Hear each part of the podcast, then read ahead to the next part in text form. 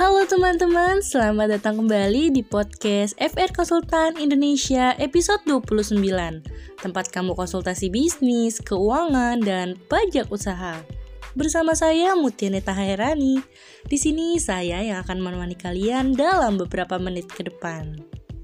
Di episode kali ini saya akan membahas 4 hal penting manajemen bisnis.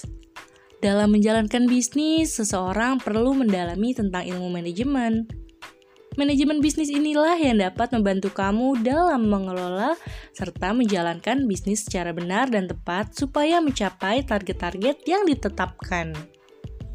Pada dasarnya, manajemen berfungsi untuk mengatur jalannya bisnis kamu sehingga membentuk keteraturan yang dapat memudahkan kamu dalam mencapai tujuan. Untuk itu penting bagi kamu untuk memahami empat hal penting manajemen bisnis. Tiap bisnis memiliki kebutuhan yang berbeda.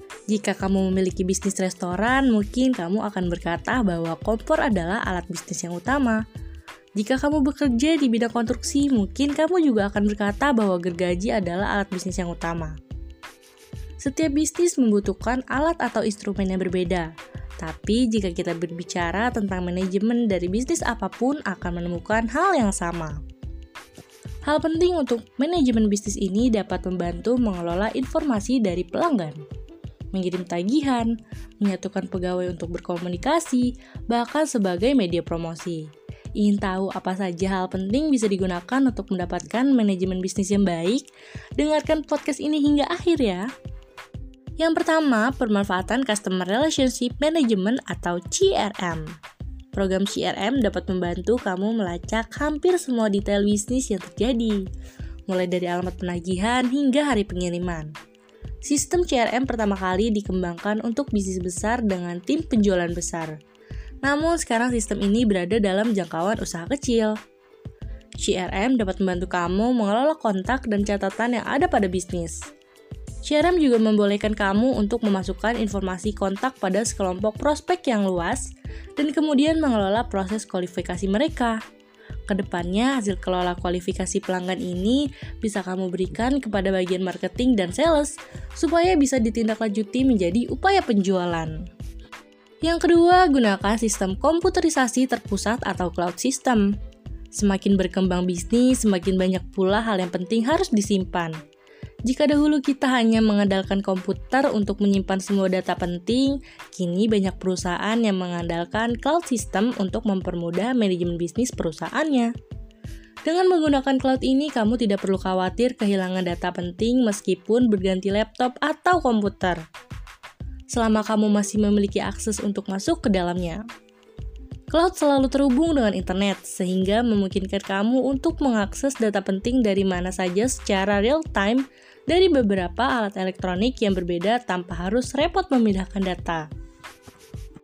Yang ketiga, terapkan faktor elektronik atau e-faktur.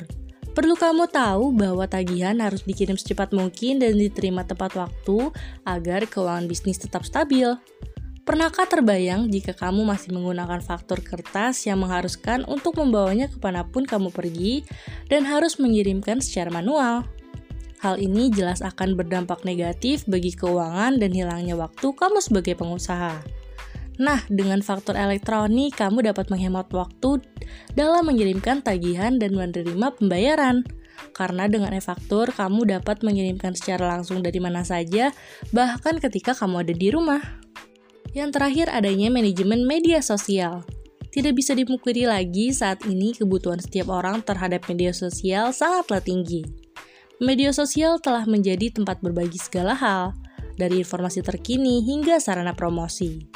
Banyak pengusaha yang menyadari hal ini menjadikannya sebagai alat manajemen bisnis yang sangat potensial.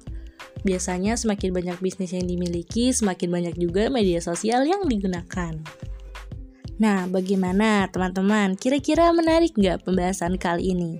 Terima kasih telah bergabung dengan saya untuk episode 29 mengenai 4 hal penting manajemen bisnis.